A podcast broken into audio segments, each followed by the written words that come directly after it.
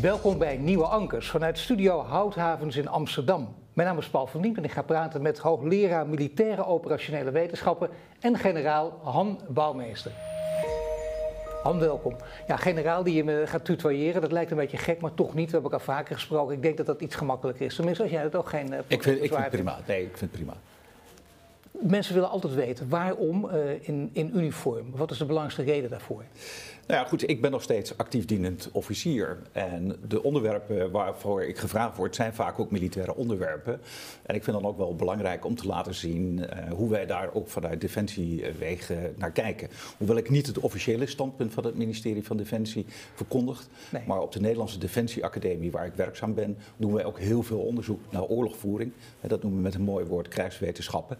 Ja. Um, dus ja, daar zijn we mee bezig met die bestudering. En ik vind het dan ook belangrijk om te laten zien dat we dat als militairen ook doen. Zeker. En dit geeft ook aan in een paar bijzinnen dat je wel uh, vanuit die achtergrond ook uh, redelijk vrij uit kunt praten. Uh, zeker, ja. ja. Bijvoorbeeld heb... over de oorlog. Hè? De oorlog nu. Uh, ja. Mensen praten over het vredesdividend dat op is. Al die mooie woorden worden gebruikt, maar terecht ook. We hebben heel lang gedacht, geweldig, kijk eens, heel lang geen oorlog hier. Dus hebben we dus ook geen geld in defensie kwijt. Dat kunnen we inzetten voor hele mooie dingen als uh, de, nou, klimaat bijvoorbeeld.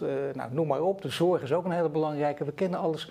Maar we weten nu dat de wereld er heel anders uitziet. En dat we voorlopig heel veel geld aan defensie kwijt zullen en moeten zijn. Vredesdividend is op. Kun je er iets over die achtergrond schetsen? Met name dan, hoe lang is het al, is het het geval en hoe uniek is het dat we in die situatie zitten? Nou ja, kijk, eigenlijk zien we in het Westen sinds het einde van de Tweede Wereldoorlog dat het Westen zelf geen uh, oorlog meer gehad heeft. Op de locatie West-Europa heeft zich dat niet meer plaatsgevonden. Uh, je ziet dat dat ook van invloed dan is op de mensen zelf die daarover gaan nadenken en dat ervaren. En dat we zelfs sinds die Tweede Wereldoorlog, hè, we zijn, wat is het, 78 jaar verder, ehm, dat daar gewoon nieuwe generaties zijn die niet meer anders kennen dan dat we in een toestand van vrede leven. En er zijn gewoon krijgswetenschappers, collega's van mij, die ook beweren dat eigenlijk uh, oorlog de normale toestand is, omdat het iets is wat bij de mens hoort. En dat we eigenlijk heel veel moeite moeten doen om vrede te krijgen. Dus dat we dat nu al zo lang hebben, is heel uitzonderlijk. Als die collega's weten dat we inderdaad, als je tegen die collega's had gezegd dat er ooit een periode in de geschiedenis was van 78 jaar, dat er zo'n oorlog niet nodig was in dit kleine deel van de wereld, dat had niemand geloofd dan. Nee, dat had niemand geloofd. Want als je Atypisch even, dus. Ja, maar als je kijkt naar de hele historie, uh, kijk, uh, West-Europa is ook twee keer de locatie, het theater, zoals we dat dan in, in militaire termen noemen, het theater geweest waar een wereldoorlog uh, is ja. gevochten. He, landen als Duitsland, België, uh, Frankrijk, ook Nederland, hoewel we neutraal waren in die Eerste Wereldoorlog. Maar en in de Eerste Wereldoorlog en de Tweede Wereldoorlog zijn uitgevochten, grotendeels in, uh, in West-Europa. En toen dat voorbij was, was het ook het de beoogde locatie theater, waar mogelijk de Koude Oorlog zou gaan kunnen plaatsvinden. En dat het uiteindelijk gelukkig niet zo ver is gekomen, ja, dat is wel een hele uitzonderlijke positie. Overigens wil dat niet zeggen, ja. hè, ook als je kijkt naar een land als Nederland, dat we het niet uh, toch elders in de wereld hebben meegedaan aan operaties.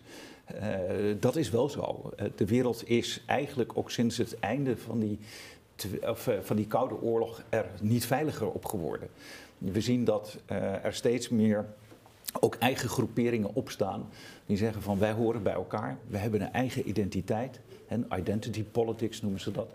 we hebben een eigen cultuur, een eigen godsdienst, een eigen taal. En daarmee vinden we ook dat we recht hebben op een eigen stuk grondgebied. Nee, natuurlijk. We hebben het voormalig Joegoslavië gezien, om maar een voorbeeld te geven. Er ja. zijn meer, dat is waar. Maar als het gaat over war of necessity op eigen grondgebied, dan zijn er een paar uitzonderingen. Namelijk Nederland, delen van Scandinavië, denk ik. En, of Scandinavië. Het geldt ook voor Groot-Brittannië. Ja. Maar dan ben je ook wel klaar. Ja, ja, ja, ja dat, dat is klopt. het. Ja, ja. Het, is, het, het, het, het is een klein gebied. Uh, en, en ja, dat is wel iets wat, uh, waar je ook moeite voor moet doen om dat in stand te houden. En moeite dat... voor doen om in stand te houden betekent dus ook dat je weer in termen van machtspolitiek moet denken, ook in termen van geld moet denken, ja. in termen van echt jezelf beveiligen. En daar niet, niet gemakzuchtig over moet denken van, ach, het zal wel goed komen, wij moeten... Je hebt nog steeds mensen die dat zeggen, laten we dat vredesdividend dividend alsjeblieft handhaven. Dat kunnen we voor betere doelen inzetten. Ja, nou ja, goed, wat je, wat je ziet is dat ehm, die, die twee wereldoorlogen, die Koude Oorlog, ja, dat, dat uh, is wel onder de huid van de mensen in West-Europa gaan zitten. En ook heel begrijpelijk van, deze toestand willen we nooit meer hebben. En uh, of je nou militair bent of je bent uh, burger, niemand wil oorlog. Laten we dat voorop stellen. Um, en je ziet dat dat uh, ook wel heel erg een tweede natuur van ons is geworden. Alleen wat we ook zien in de hele wereld is. We kunnen dat als een soort ideaalbeeld hebben. Maar we zien in andere delen van de, van de wereld dat mensen opstaan en machtspolitiek gaan voeren. Ja, en daar moet, je wel, daar moet je ook wel mee bezig zijn en op gericht zijn. Omdat anders allerlei dingen jou gaan overkomen wat je niet wil. Maar heb je niet het idee dat we toch op dat gebied wakker geschud moeten worden? Want dat zijn we niet gewend en we, we, we doen dat er relativerend over. Ik merk het aan mezelf ook, zeker een, een jaar geleden. Je zag het ook aan alle deskundigen die dachten, nee, dat gaat Rusland ook nooit doen. Alle experts die jarenlang zich met dit vakgebied bezighouden, hebben niet kunnen voorspellen wat hier zou gebeuren. Dat ze misschien wel aan tekenen hadden kunnen zien wat er gebeurde. Want jij hebt het al eerder gezegd volgens mij, kijk eens even, de Amerikanen hebben gewaarschuwd, de Canadezen ook, de Australiërs, ja, ja. De, de Britten ook. Ja. Die hebben wel degelijk waarschuwende signalen afgegeven. Maar dat zijn ook typisch landen die anders bij die Eerste en Tweede Wereldoorlog betrokken waren. werd niet op hun grondgebied uitgevoerd. Dus ja, mogelijk, en er zou nog veel onderzoek naar uitgevoerd kunnen worden. Maar mogelijk dat die toch anders tegen dat conflict aankijken. En gaan we even terug naar de huidige oorlog die in Oekraïne gevoerd wordt. Ja, je ziet dat die landen die je nu net opnoemt, eigenlijk al sinds 2014, sinds de annexatie van de Krim, ja. uh, wat ook als een verrassing kwam voor velen. Uh, hebben zij gezegd van ja, maar wacht eens even. Uh, wij zien dat Rusland nu tegenwoordig heel anders in de wereld staat. En dat ze het mogelijk ook wel voorzien hebben op Oekraïne. Dus we moeten daar iets aan gaan doen. Uh, Europa deed dat toen niet. Europa leefde verder, had ook grote belangen, economische belangen. Ja, dat is wel een, ook een stroming die je ziet in, uh, in de internationale betrekkingen. Dat noemen ze het liberalisme of het neoliberalisme. Dat is dat je geloof hebt dat dit soort economische netwerken het maakt ja. dat wij geen oorlog willen krijgen. Maar dat staat toch, ja, als je kijkt naar andere ontwikkelingen, mensen als een Poetin staat op, op uh, Xi Jinping staat op. Uh, de Orbans staan op, de Erdogans, noem ze maar op. Hè. Dat zijn toch wat meer autocratische leiders.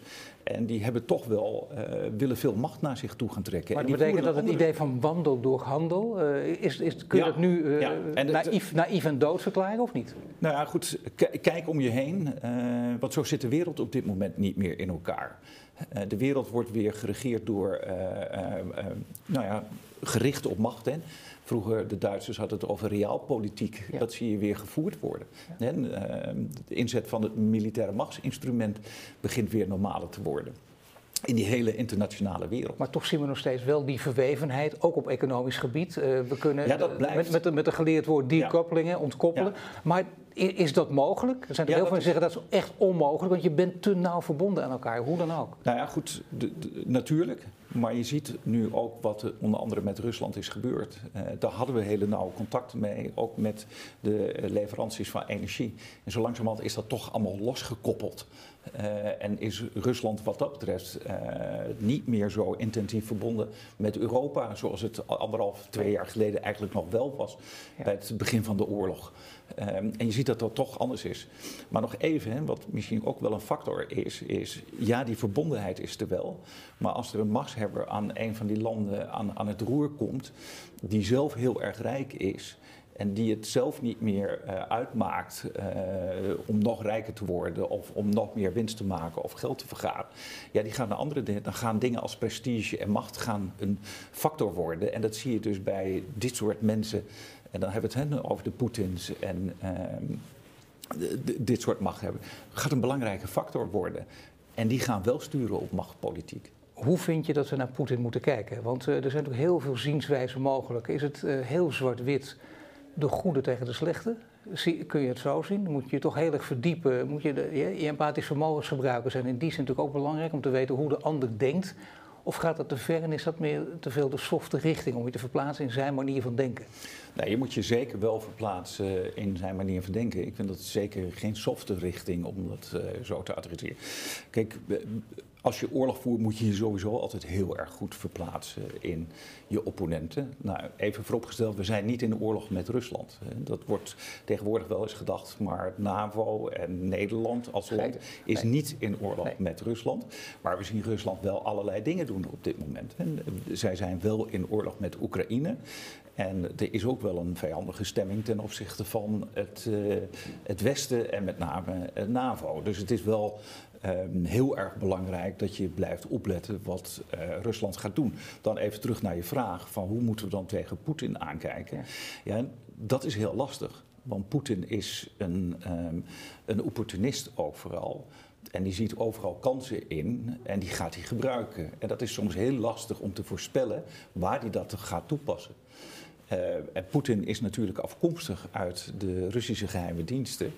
Uh, en weet ook heel goed waar bepaalde kansen liggen. En hoe hij dat uh, in de media ook heel goed kan uitbuiten, zodat eigenlijk de hele publieke opinie daarmee bezig is. Daar gaan we zeker over praten. je hebt er notabene een proefschrift over geschreven dat hier nauw bij aansluit. Krimnash, het gaat over misleiding en, en allerlei, laten we zeggen, allerlei niveaus van misleidingen die, die je kunt aangeven. Maar nog één ding, namelijk over Poetin zelf. De, de, de zogenaamde Poetin-versteren proberen dat ook altijd. Hè. Kijk, je moet even kijken naar de geschiedenis en hoe hij denkt en waarom het grote Russische Rijk. We gaan er nu niet uitgebreid op in. Maar die gedachten, zeg je, die moet je meteen wegschuiven. Want die doen er echt totaal niet toe of spelen die wel degelijk een rol. En moet je dat proberen ook te doorgronden. Ja, nee, die spelen wel degelijk een rol. Uh, als je mij vraagt uh, wat er bij Poetin echt achter zit. Hè, ik noemde hem zo net al met die machtsfactoren, ja. prestige. Hij wil gewoon gezien worden als de president van een groot Russisch Rijk. Uh, kijk, zijn, zijn, rijkdom is er. Hij heeft, miljarden op de bank staan. Hoeveel weten we niet precies, maar daar hoeft hij zich niet meer om te bekommeren. Maar dan gaan andere factoren een rol spelen. En wat hij belangrijk vindt, en dat is het Rushki-Mir-concept. Dat is door Yeltsin eigenlijk, en, en twee spindokters van Yeltsin, die hebben dat in de markt gezet. En dat komt omdat eigenlijk toen Yeltsin president was, want dat was de eerste president van de Russische Federatie in de jaren negentig, toen kwamen ze erachter dat de Rus niet meer trots was op zijn land.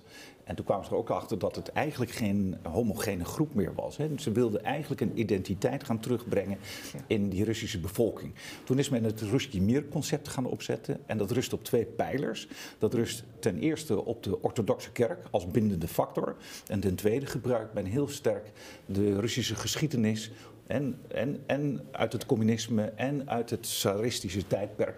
Om de allerlei elementen uit te pakken van hoe glorieus eigenlijk Rusland wel niet is. En in die constellatie, in die gedachte, past ook eigenlijk dat een groot deel van Oekraïne Um, het, het, grotere, of het kleine Rusland, zo moet dat zeggen, bij het grotere Rusland hoort. Hè. Ze hebben daar ook een term voor, Malorussia. Dat is eigenlijk het, uh, uh, wat nu het oosten, het zuiden en het centrale deel van Oekraïne is. Dat in hun gedachten hoort dat gewoon bij Rusland. Nou, wat je dus ziet, uh, Poetin gelooft heel sterk in die Ruski gedachten. En dan komt daar ook nog eens een keer bij, um, we hebben vanaf 2020 tot aan eigenlijk het begin van die oorlog, heeft, de hele wereld geworsteld met uh, de corona. En Poetin zagen we dat hij heel erg bang was om besmet te worden met COVID-19. Ja. Die heeft zich helemaal teruggetrokken op zijn eigen buitenverblijf aanvankelijk om het presidentiële buitenverblijf, wat net buiten Moskou ligt, uh, Novo Orkajovo, om dat voor te bereiden met sluizen. Daar komt niemand meer naartoe.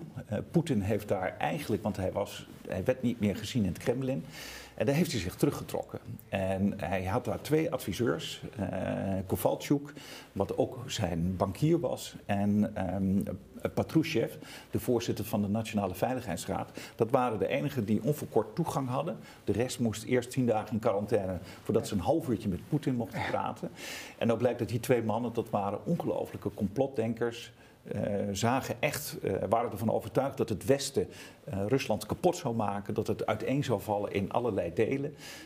Um, ja, en die hebben constant op Poetin inlopen praten, want die, hadden, um, die, die kregen toegang tot Poetin. Die hoefden niet door die sluisjes, geen quarantaine. Dus daar dronk hij regelmatig even een kopje koffie mee. Ja, en Poetin is zelf natuurlijk iemand die groot geworden is in die veiligheidsdiensten. Dus die is wel gevoelig voor dit soort. Uh, dus de verhalen over de natie Oekraïne, dat is ja, naties in Oekraïne, dat is allemaal nog, bij hem nog sterker geworden. En die grootheid van het Russische Rijk is heel belangrijk voor hem. Dus dat Malorussia, dat grotere deel van uh, Oekraïne, vindt hij ook gewoon dat het erbij hoort. En dan gaan we nog een stuk verder. Dan heb je ook de ontstaansgeschiedenis. En, uh, het Kievse Rijk of het uh, Kievan Rus in het Engels ook vaak aangeduid. Daarvan wordt gezegd, daar zie je voor het eerst dat uh, de Russische bevolking gaat ontstaan. Dus dat is ook heel belangrijk voor hem om dat erbij te krijgen. Maar kun je zeggen dat door, met deze wetenschap, dat daardoor Poetin voorspelbaarder voor ons is geworden? Of minder voorspelbaar? Nou ja, als je mij vraagt, is dat zijn drijfveer? En ook daar uh, vinden allerlei discussies over plaats. Maar dan is hij dus voorspelbaar. Dan weten dit, we wat voor stappen hij doet. Ja, dit hadden we ook eerder zien kunnen zien aankomen. Uh, maar dat wilden we niet. We Zag jij het eerder aankomen? Um, ik zat al iets eerder op die noemer. Ik werd ook gefascineerd door het hele Russische optreden. Uh, eigenlijk al langer, dan ga je ook verdiepen in wat Rusland wil. Uh, en dat is ook de reden waarom ik mijn proefschrift over die annexatie, onder andere de annexatie van de Krim, wat eraan vooraf gaat, hè, in 2008 ook de oorlog ja. die die heeft met Georgië. Um, ja, je ziet dat het eigenlijk stap voor stap die kant op gaat. Maar ja, dat betekent dus wel, uh, om de, ik denk dat dat inderdaad bij jou ook geholpen heeft. Dat, dat je al in die, in, die, in die theorie zat, in die manier van denken zat en begreep dat er wat aankwam. En ook beter luisterde misschien wel naar wat, wat Amerikanen en Britten zeiden. Dat het niet zomaar wat was. Ja. En niet alleen maar alleen vanuit eigen belang. Maar dat betekent dus wel, ik zou bijna zeggen, de goede boodschap is dat je weet dat die voorspelbaarder is dan veel mensen denken. Dat, dat kunnen we toch, toch ongeveer zeggen. Nou, de grote lijnen kun je volgen. De grote lijnen is dat dit voor hem belangrijk is. Um, en, en hoe die daar dan binnen acteert, wat hij af en toe doet aan activiteiten, dan wordt het lastiger. Want dan wordt het echt wel iemand die kan, in één keer kansen ziet, zijn kansen afweegt en daar ook induikt. En dan wordt hij wat lastiger te vangen. Dan is hij die, die lastige opportunist. Maar ja. aan de andere kant weet je dus wel vanuit deze gedachte dat het iemand is die bereid is om hier. Stel dat hij 90 wordt, dan gaat hij daar nog 20 jaar mee door, hoe dan ook. Ja. En hij zorgt dat er ook dat er opvolgers klaar staan? Of is dit echt heel erg aan de persoon Poetin gebonden? Dit is uh, zeker aan Poetin gebonden. Over opvolgers wordt heel druk gespeculeerd. Uh, daar durf ik heel weinig over te zeggen. Ik noemde zo net al de naam uh, Patrushev. Ja. Nou ja, goed, zijn, maar die is van dezelfde generatie als Poetin. Ja. Dus uh, tegen de tijd dat Poetin doodgaat, stelt dat hij natuurlijke dood gaat sterven, dan zal ook niet zo lang meer duren. En wellicht is misschien Patrushev al wel eerder overleden. Het is wel zo dat de familie Patrushev zo langzamerhand wat uh, meer de macht overneemt, om het zo maar te zeggen. Want je ziet dat zijn zoon is inmiddels al minister van Landbouw, zijn andere zoon heeft ook uh, aanzienlijke posities. Dus er wordt wel gesuggereerd dat hij mogelijk, mocht Poetin op korte termijn het veld ruimen, dat hij het overneemt. De vraag is dan, zijn we beter af? Ik denk van niet. Want als je het hebt over haviken, dan is Patrushev zo, zo mogelijk nog een veel grotere havik dan Poetin. Dus de vraag is waar, uh, ja, is dat een goede, goede ontwikkeling? Nou ja, goed, in ons, voor ons in het Westen is het wel belangrijk om te weten. Ga er maar vanuit, ook al kun je niet in die glazen bol kijken, gaat het er ook niet zo om, maar wil even hè, in, in het scenario denken. Dat je weet dat dit hoe dan ook lang gaat duren. Mensen spreken van een frozen conflict, dan kan het nog langer duren. Dat betekent wel dat iedereen zich op moet instellen die voor hele mooie doelen geld wil uitgeven. Alle belangengroepen ook. Let op, wij zijn heel veel geld aan defensie kwijt ja. en nog meer. Dat hebben we ook ja. nodig, want het begint met onze eigen veiligheid. Ja, daar moeten we wel op voorbereid zijn. Uh, we weten nog niet welke kant het op gaat nu met de huidige Oekraïne-oorlog.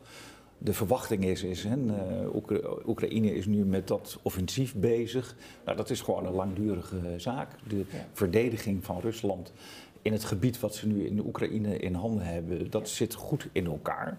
Je ziet dat daar toch wel uh, Oekraïne alles op alles moet zetten, ook verliezen leidt. Ja. Aan de andere kant is hun strategie er ook op gebaseerd dat Rusland verliezen leidt.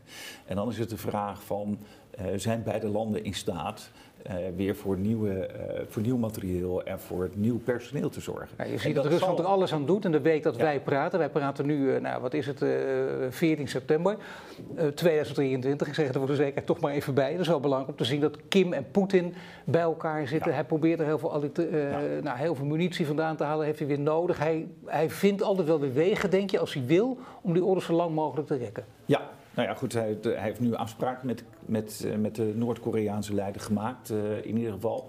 Dus waarschijnlijk zal daar ook uh, wapens vanuit naar Rusland gaan om hem te ondersteunen. maar dat is wel een teken aan de wand. Dat is wel een teken dat Rusland zelf niet meer in staat is dat arsenaal aan te vullen. Uh, en laat, uh, en daar hebben we het nog niet eens over, de personele aanvulling, wat natuurlijk ook heel belangrijk is. Ja. Als aan beide zijden, hè, ook voor Oekraïne geldt dit. Hè. Ja. Hoe lang kunnen we Oekraïne vanuit het Westen nog steunen?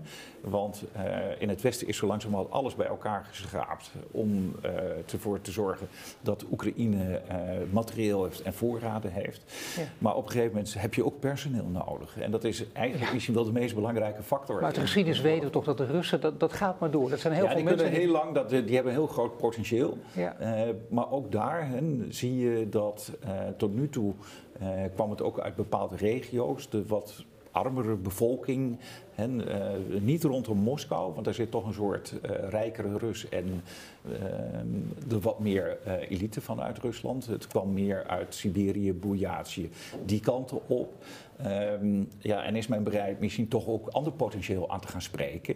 Um, want opvallend is, hè, dat uh, wordt ook wel in de artikelen genoemd, is uh, het is wel leuk, al die Russische um, machtshebbers, hè, die mannen met macht, die Ziloviki, die eigenlijk die oorlog runnen en aansturen onder leiding van Poetin. Ja, geen van hen heeft zonen of dochters die daadwerkelijk bij die gevechtshandelingen betrokken zijn. Nee, dat scheelt.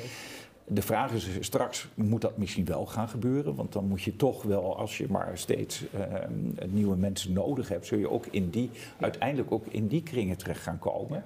En dat hoeft dan nog niet direct de, de zoons of dochters, maar dat kunnen ook de vriendjes en vriendinnetjes indirect zijn. Dan komt het dichterbij. Is Rusland bereid zo ver te gaan? Um, en dan, dan, kom ik even terug naar die verwachting. Waar gaan we naartoe met dit conflict? Ontstaat er een verrozen conflict? Ja, de, um, als je het mij persoonlijk vraagt, vermoed ik dat dat wel die kant op gaat. Ja. Omdat beide partijen, uh, Rusland en Oekraïne, op een gegeven moment niet meer de kracht hebben, het vermogen hebben, het militaire vermogen hebben om voor te gaan met deze oorlog. Ja, dat is mooi hoe jij het omschrijft. Je omschrijft het gelukkig altijd uh, heel precies ook, maar ik, ik, lees ook iets anders en dat kan ik niet goed doorgronden. En dat vind ik ook heel moeilijk wie dat namelijk wel kan. Nou, maar dan gaat het over het moreel van de troepen. Ja. Wie houdt het het langste vol? Ja. Nou, de Russen hebben al heel vaak geroepen, dat moreel daar is er niet goed mee gesteld. En dan is het opeens met de Oekraïners ook niet, want dan zien we dat sommigen ook vluchten en ermee ophouden. Hoe kunnen we dat weten? We ja. hebben toch geen idee? Nee, dat, dat, dat, is, dat is een hele moeilijke te meten factor. Uh, dat, dat hoort bij uh, de factoren die ja, uh, eigenlijk een heel duidelijk en zwaar stempel drukken op gevechten en op oorlogvoering, maar die zich heel moeilijk laat meten. wat we wel zien is dat de Oekraïners eigenlijk ja, voor hun eigen huizen en haard aan het vechten zijn. voor eigen waardenormen, patroon. Uh, dat staat voorop en dat is wel een hele belangrijke factor. Dan worden mensen, kunnen het heel lang volhouden, want dat is een hele sterke motivator. Aan de andere kant, uh, in Rusland zie je dat niet. Um, er is ook wel gesproken over het leiderschap binnen de Russische strijdkrachten, dat die nauwelijks hun mensen informeren. Dat is, daarmee creëer je eigenlijk dat um, Russische jongens en meisjes die daar moeten strijden nauwelijks weten waarvoor ze bezig zijn. Ja, dat gaat ten koste van een goede motivatie. Ja, die misleiding werkt toch heel goed, heb je in je Ja, proefschrift aangetoond. ja, ja. Dus dat is, dat is, maar dat is dan toch dat concept, Nou, zou ik bijna zeggen, want misleiding is niet houdbaar. Nee, want ehm, kijk, misleiding werkt totdat je uh, uiteindelijk ziet wat de werkelijkheid je biedt. En als die wat anders biedt dan jou constant verteld wordt, ja, dan, ga je, dan krijg je ook wantrouwen. Dan krijg je wantrouwen in je eigen leiderschap. Uh, en dat is natuurlijk vernuikend in dit soort operaties. Dat is natuurlijk gebeurd hè, uh, met troepen die uh, aanvankelijk eigenlijk niet eens wisten dat ze Oekraïne waren binnengetrokken. Er zijn nu ook allerlei uh, artikelen en verslagen over verschenen. Ja. ja. dat gaat ten koste van de motivatie van de strijders aan Russische zijde. Maar wat je wel ziet nu, is dat ze hebben nu wel die verdediging goed voor elkaar. En daar kun je wel weer kracht aan ontlenen. Ja. Dat je zegt van, zie je, we zijn wel in staat om, uh, waar de hele wereldpers en de hele publieke opinie aanvankelijk dacht dat die Oekraïners wel even door die verdedigingslinies heen zouden stoten. Nee. Ja, dat kan jou wel weer een oppepper Nee. geven en zeggen van, oh, we zijn wel in staat om stand te houden hier. Dus en dan wordt het toch wel een verbeterde groep die, nou ja, dan heb je dus twee groepen die heel verbeterd zijn in de strijd en die met elkaar clashen. En dan kan het dus inderdaad, je zegt eh, jouw persoonlijke idee, daar moet je dus goed erbij zijn, want daar gaat het ook om. Dat, dat, dat kun je niet, niet aan, aan, de hele defensiemacht uh, toe, uh, toerekenen, dat zeg jij zelf. Maar het betekent wel dat je denkt, als het lang gaat duren, dat betekent ook dat wij veel moeten betalen en dat we ook aan die 2%-norm structureel zullen moeten voldoen, wat nog steeds niet gebeurt. Ja. Is dat sowieso verstandig om dat gewoon te gaan doen ook? Nou ja, goed, daar zijn ook wel allerlei initiatieven over in de politiek. Hè. Uh, mensen die dat nu ook, uh, daadwerkelijk politici die dat verankerd willen Maar goed, als je die afspraak gemaakt hebt. Ja, dat, dat, dat, maar goed, dat is een politieke afweging. Uh, ik denk ook wel dat je daar naartoe moet. Want het, het slechtste wat je met een krijgsmacht... Kijk, je krijgsmacht is er voor de bescherming van een land... Uh, en dat kun je doen in bondgenootschappelijke uh, taken, met meerdere landen gelijk. Kun je afspreken van uh, wij gaan ervoor zorgen dat het hele grondgebied wat aan ons toe behoort, dat we dat er zo voor zorgen dat daar geen vijand binnenkomt. Ehm, en het slechtste wat je dan kunt doen is steeds Um, ja, met, met een soort wisselwerking steeds um, dan weer bezuinigen en dan weer teruggaan. Wat je nu ziet in die krijgsmacht is dat we, en vooral dik tien jaar geleden, hebben een, een enorm grote bezuinigingsoperatie moeten inzetten. Um, en daarmee um, hebben we heel erg moeten snijden in de organisatie, maar daarmee gooi je ook expertise weg. En die expertise en die ervaring heb je niet zomaar weer terug in je krijgsmacht. Nee, dus als je steeds maar weer heel sterk gaat bezuinigen en later tot de conclusie komt dat dat niet handig is en dat we toch weer terug moeten gaan naar een wat grotere omvang, voordat je pas zover bent, voordat je kunt gaan uitbreiden, voordat je weer de geschikte mensen daarvoor hebt, die ook de kennis hebben om nou, in dit geval bij mijn eigen krijgsmachtdeel werd uh, de tankcapaciteit eruit gesneden en werd ook de artillerie gehalveerd. Nou ja, voordat je al die expertise op dat gebied weer terug hebt, ja, bij jaren verder. En heb je gewoon uh, tijd nodig om dat op te bouwen. En het kost enorm veel geld om weer opnieuw al die investeringen maar is er ook te lang gedacht dat we gewoon uh, inderdaad uh, ja, onder die Amerikaanse paraplu veilig waren? Daar zijn ook heel veel artikelen over verschenen. En in eerste instantie wordt het als een open deur gezien. Daarna denk ik, komen er heel veel nuances op. Maar nu zien we, ja, het hangt er maar vanaf wie er in Amerika de macht is en zo. Nou, daar wordt ja. alle speculaties kunnen we op loslaten. Maar één ding is toch wel duidelijk, lijkt mij. Dat van, van links tot rechts, dat mensen zeggen, nou, dat is voorbij. Ik bedoel, Europa staat er meer alleen voor dan ooit in de geschiedenis. Ja. Nou, daar, daar, daar, ben ik nog niet geheel van overtuigd. Kijk, um, de vorige Amerikaanse president uh, heeft wel een aantal keren dreiging gezegd van nou dan stappen wij uit ja. de NAVO. Uh, maar dat is nog niet zo heel erg makkelijk uh, dat dat uh, zijn beslag krijgt hoor. Daar gaat nog wel eerst heel veel overheen voordat zoiets daadwerkelijk gaat gebeuren. Ja. dan zie je ook wel andere onderstromen in de Amerikaanse samenleving, maar ook in het Amerikaanse overheidsapparaat, die zich daar nog niet zomaar bij neer gaan leggen. Dus dat zie ik nog niet 1, 2, 3 gebeuren. Um, kan Europa dat zelf? Um, ja, daar zou je wel naartoe willen en moeten. Um, maar dat kunnen ze eigenlijk nog niet. Er zijn nu wel allerlei initiatieven. Hè. Vorig jaar is ook het nieuwe strategische kompas uitgegeven.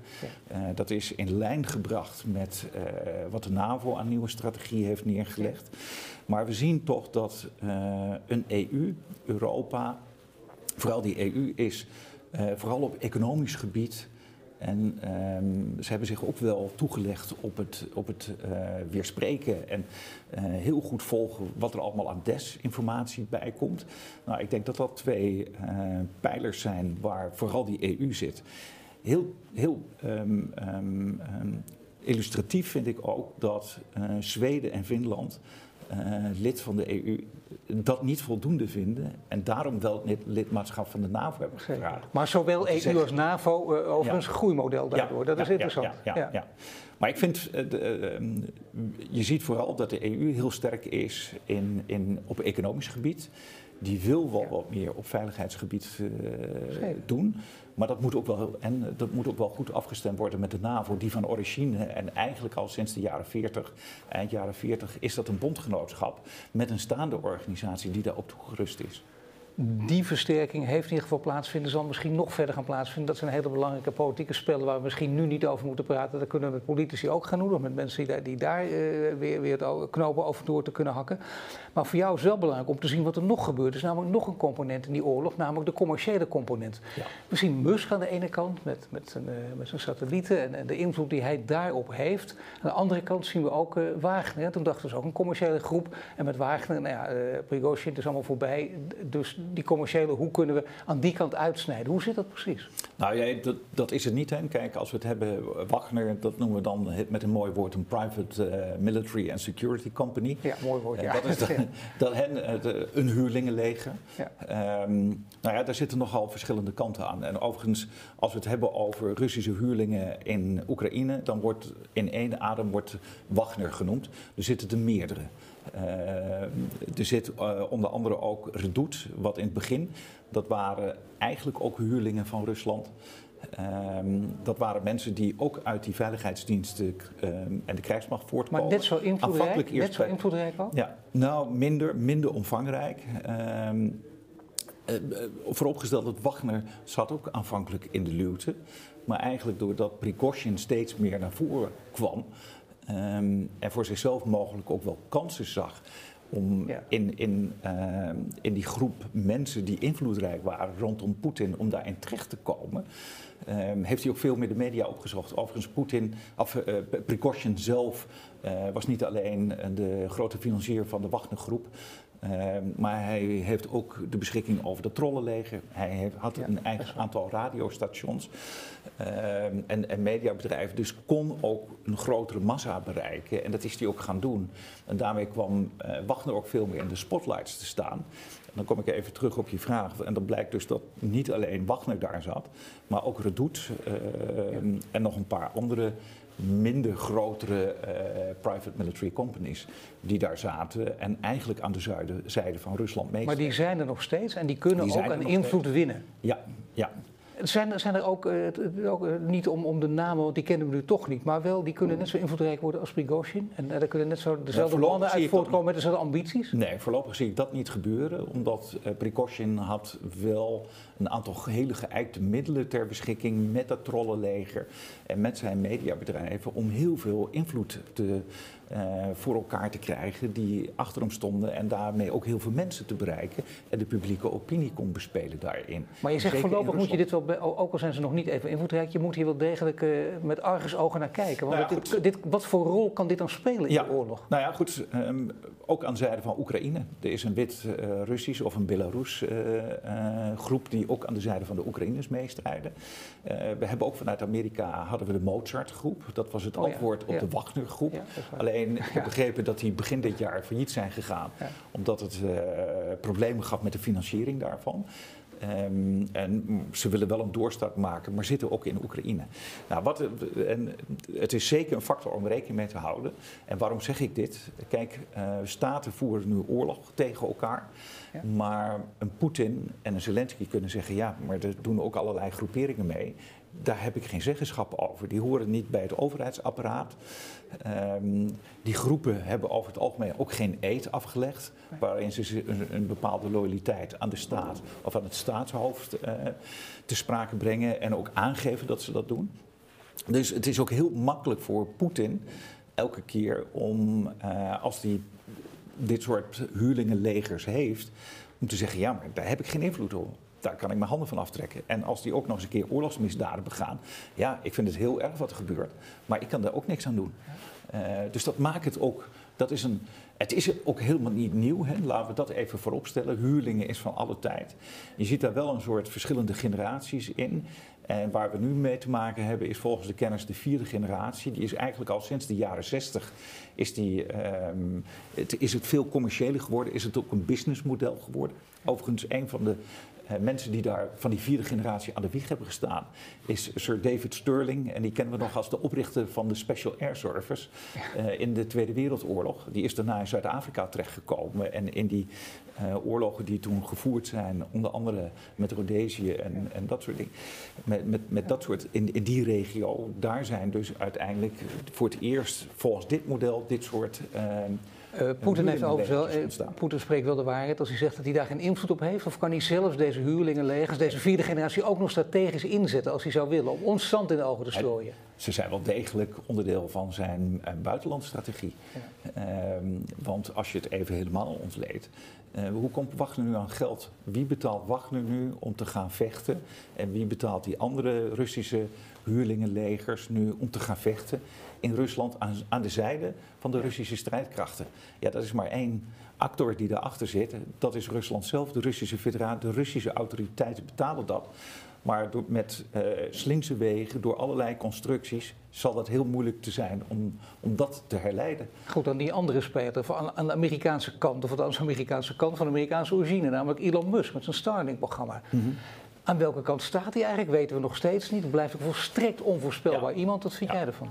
Ja, goed, kijk, wat je daarmee krijgt, ook Elon Musk heeft zich niet onverkort loyaal verklaard aan Oekraïne en aan Zelensky. En je zag dat de afgelopen anderhalf jaar, zolang als die oorlog al duurt, dat uh, er een paar keer kwam dat Elon Musk ermee ging dreigen om zijn satellieten uh, toch maar niet ter beschikking te stellen. Ja. want dat is het woord wat daarvoor gebruikt wordt. Hij heeft een aantal satellieten zelf en die stelt hij dan ter beschikking aan. Aan Oekraïne, zodat die gebruikt kunnen worden om in ieder geval de oorlogvoering op bepaalde vlakken te kunnen faciliteren. Maar als hij stopt, is er geen communicatie via internet mogelijk. En dat is inderdaad, heeft u nu extreme nee, er is, er is nog geen alternatief voor. Uh, voor zover ik weet. Uh, en dat maakt het wel dat dit soort mensen heel invloedrijk gaan worden in de manier van oorlogvoering. En dat is een factor, daar moeten we uh, ook in de toekomst rekening mee gaan houden. Als we ook kijken, hè, ook multinationals, er zijn genoeg multinationals die, als je kijkt naar hun begrotingen, als je kijkt wat ze hebben en winsten die ze maken, ehm, dat, is, dat is groter dan ehm, een gemiddeld genomen land in de wereld. Um, en dat betekent dat ze misschien ook wel andere dingen met dit geld kunnen gaan doen. En zijn er wel multinationals ook bij name te noemen? Of je zegt, let daar vooral op? Nou ja, goed, kijk, uh, dan kom je toch naar een Russisch voorbeeld. Gazprom. Gazprom heeft eigen veiligheidsdiensten. Gazprom heeft eigen huurlingenlegers.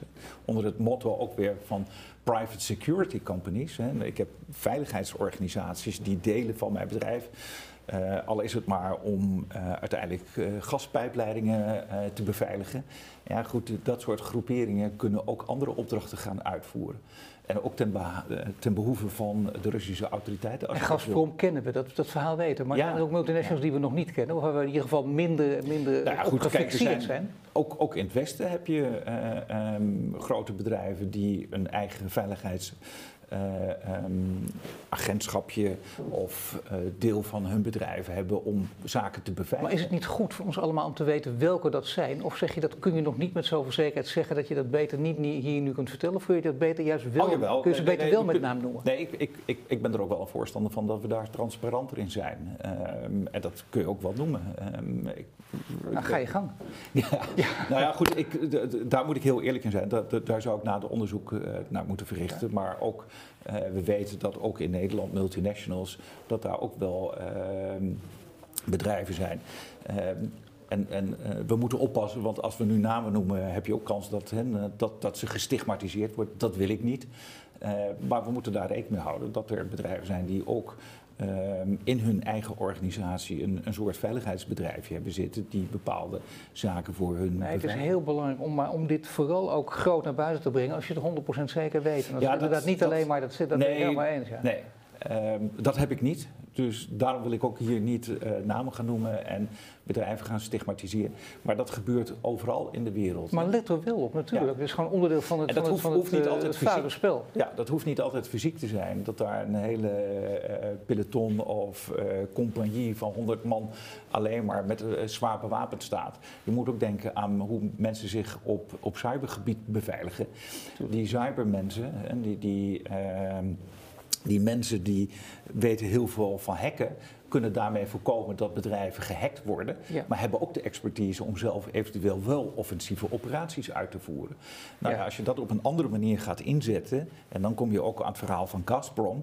Dat is ook op die manier begonnen. En dat gaat dan niet alleen op het gebied van cyber, maar ook wel fysiek. Ja, als je die mensen ook andere opdrachten gaat geven, dan kom je op een hellend vlak uit. En, en dan ga je krijgen dat dat soort ehm, private security companies, dat die ook allerlei taken voor de overheid kunnen gaan uitvoeren. Maar dan zeggen wat goed voor deze, voor deze. dan hebben we het over uh, um, um, VIPs, uh, very important persons, kidnappen, dat soort zaken. Ja, dat Vormen van targeted killing krijg je dan. Hè? Heel gericht dat je invloedrijke mensen eruit kunt halen. Nou ja, dat zou zomaar kunnen gebeuren. Daar moeten we wel uh, rekening mee gehouden dat dat kan gebeuren. Nee, en ik zie dat niet 1, 2, 3 direct in Nederland gebeuren, ook niet in de landen om ons heen, maar we zien wel dit soort ontwikkelingen in de wereld. Maar in welke landen wel? Want waar moet je dan vooral op fixeren? Als je denkt, nou dat, dat weet je niet van 100%, zeg ik maar even bij, maar waar zou dat vooral kunnen gebeuren? Nou, dat zie je nu in Rusland. Uh, dat zie je bijvoorbeeld ook in Azië gebeuren, Afrika. Dat zijn wel de contingenten die daar veel gevoeliger voor zijn, waar dit soort dingen kunnen. Niet in Amerika? Amerika uh, vlak ik ook niet uit, hoewel ik daar geen voorbeelden van heb. Uh, Amerika zou zomaar is dat dit ook nu gaande is. Ja.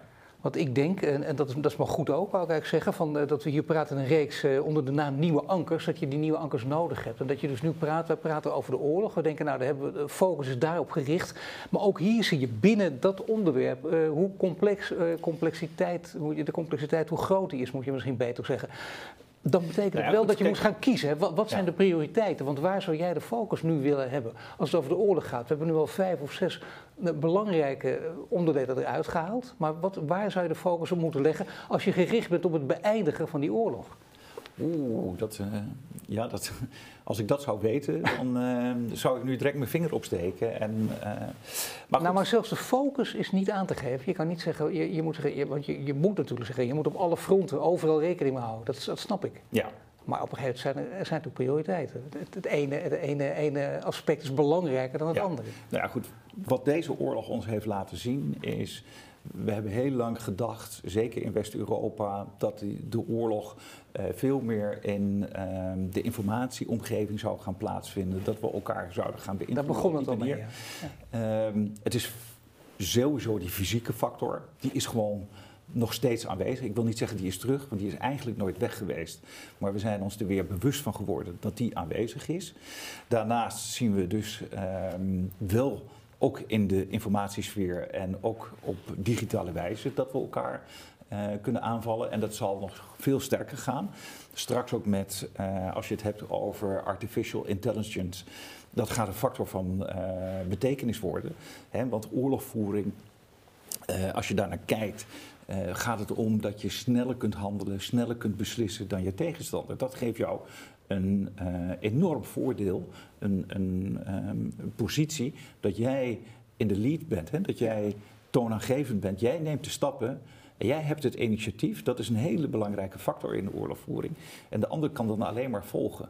Nou, als jij beschikking hebt over hele goede artificial, artificial intelligence, kunstmatige intelligentie, kun je heel snel uh, informatie verwerken, kun je ook heel snel gaan besluiten en beslissen. Nou, dat is één facet. Dus in de inlichtingenwereld gaat dat nog, uh, en daar zijn ze ook al over bezig, gaat dat een hele sterke factor van uh, beïnvloeding worden. Nou ja, mijn eigen, waar ik mezelf mee heb bemoeid, misleiding, is dat je die artificial intelligence ook kunt gaan gebruiken om alles te gaan vervormen. Um, en je kunt allerlei publicaties maken, je kunt zelfs beelden en plaatjes gaan vervormen daarmee. Um, en je kunt zelfs foto's creëren en beelden creëren, filmpjes start. Um, waarbij je wereldleiders allerlei zaken kunt laten zeggen. Je kunt foto's laten zien die er nooit zijn geweest. Uh, daarmee kun je heel sterk aan beïnvloeding doen. En het hoeft allemaal niet waar te zijn als mensen maar gaan geloven.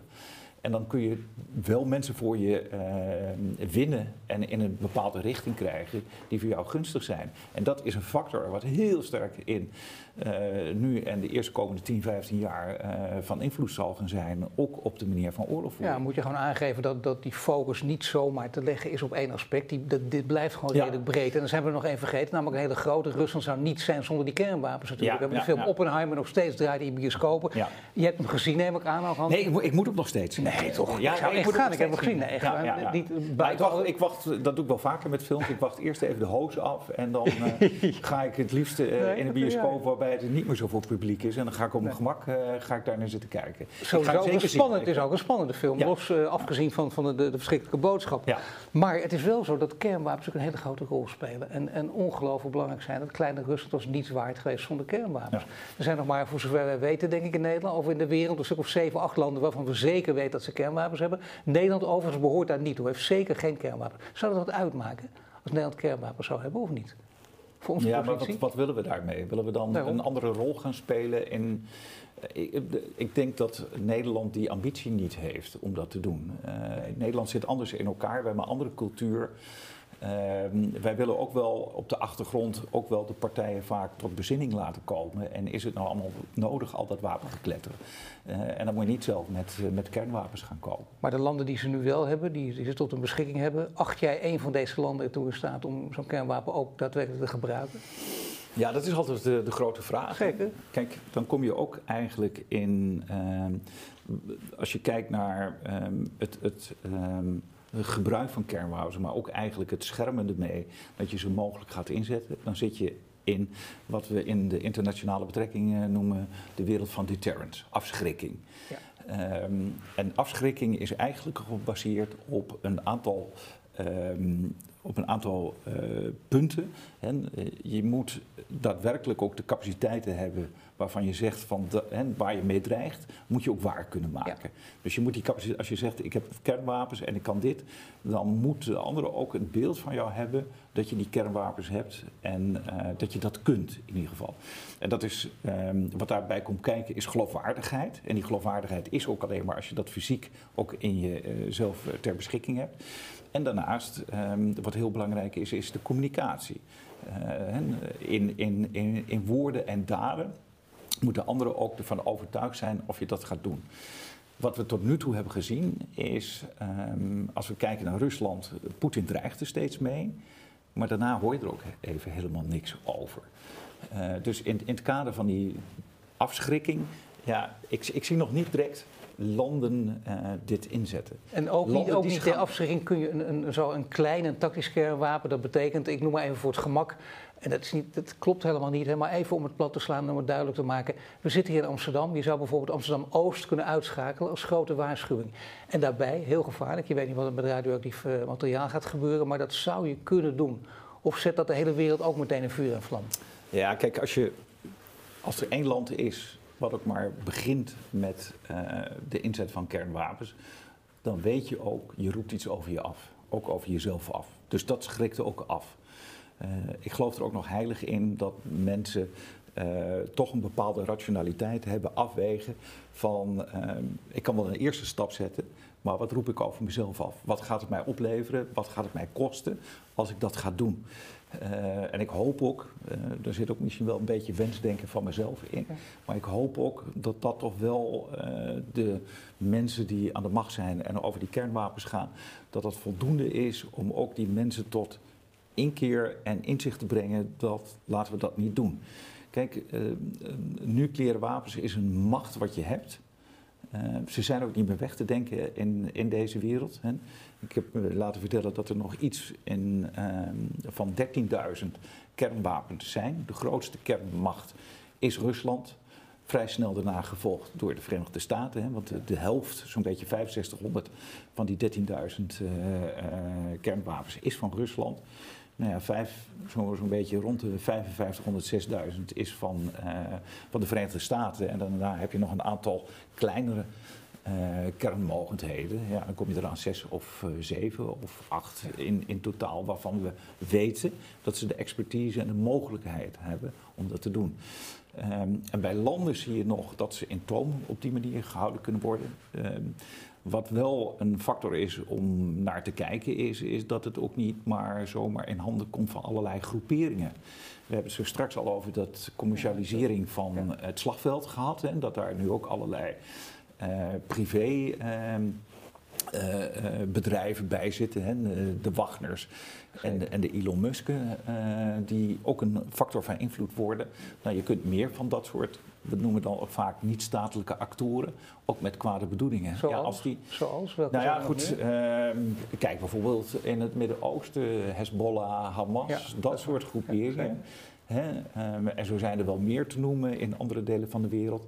Ja, kijk, als die de beschikking gaan krijgen over kernwapens en expertise, uh, laten, zien, laten zij zich afschrikken. Want het zijn niet-statelijke actoren. Voor hun staat er minder op het spel en zullen minder hard geraakt kunnen worden, omdat ze geen eigen grondgebied, geen eigen staat hebben, dan statelijke actoren. wat is, eh, dat is een beetje lastig, want we praten nu denk ik ongeveer drie kwartier met elkaar. Wat, wat is de reden dat jij, ondanks dit, deze, deze gruwelijke uh, details en algemeenheden door elkaar, dit hele scala en dit hele spectrum, dat je toch als optimistisch mens door het leven blijft gaan? Nou ja, goed. Je zit geen geknakte man tegen. Nee, nee, zeker niet. Nee, ik, ik hoop ook dat we Um, en dat, is ook, dat zien we ook wel als een van onze functies op de Nederlandse Defensieacademie. We willen natuurlijk zo goed mogelijk opgeleide officier uh, afleveren, maar ook wel één die nadenkt en die beheersbaar omgaat. Uh, kijk, de krijgsmacht is naast de politie, zijn de enige twee organisaties in Nederland die namens de maatschappij in voorkomend geval geweld mogen uitoefenen. Ja, geweldsmonopolie ligt daar. Sorry? Het geweldsmonopolie ligt daar. Precies. Maar voordat we dat doen, dat we daar ook wel goed over nadenken en dat meegeven. En daar waar we in, op, in andere overlegfora of naar buiten toe uh, ook kunnen bijdragen eraan, ook mensen daar ook op wijzen, van dat je niet zomaar tot geweld moet overgaan.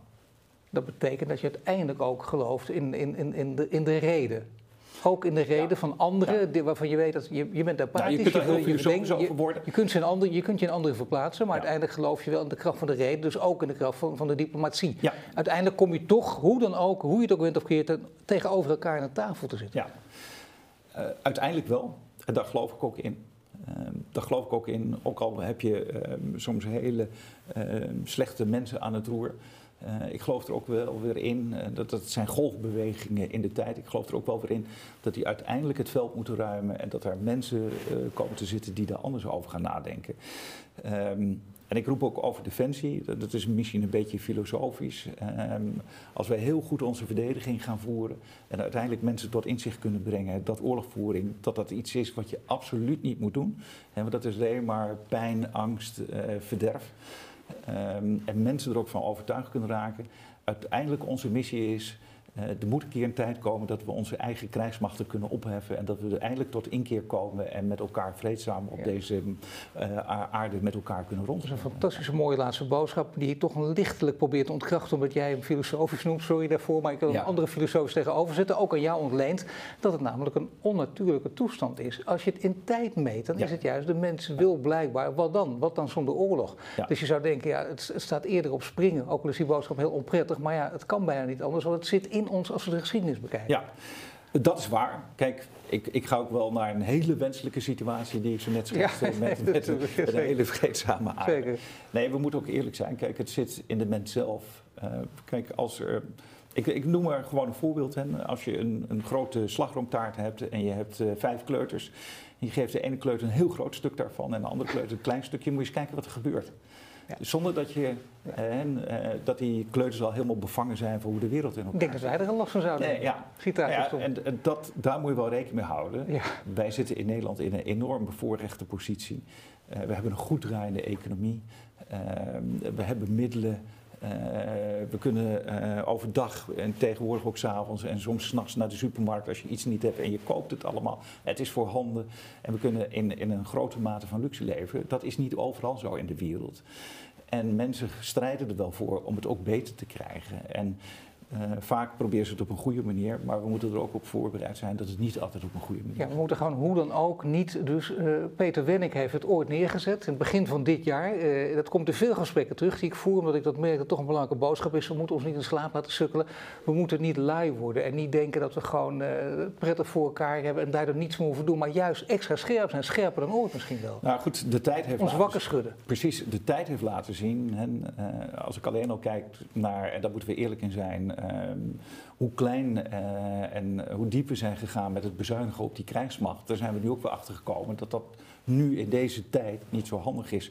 En dat is iets Dat moet niet nog een keer gebeuren. Hè? Want dat heb ik ook uitgelegd, dat steeds die slingerbeweging, dat dat een krijgsmacht niet ten goede komt. En dat daar de maatschappij dan een hele hoge prijs weer moet voor betalen om dat weer voor elkaar te krijgen. Nee, we moeten ons zeker niet in slaap laten zussen. En we moeten ook niet te veel aan wensdenken doen.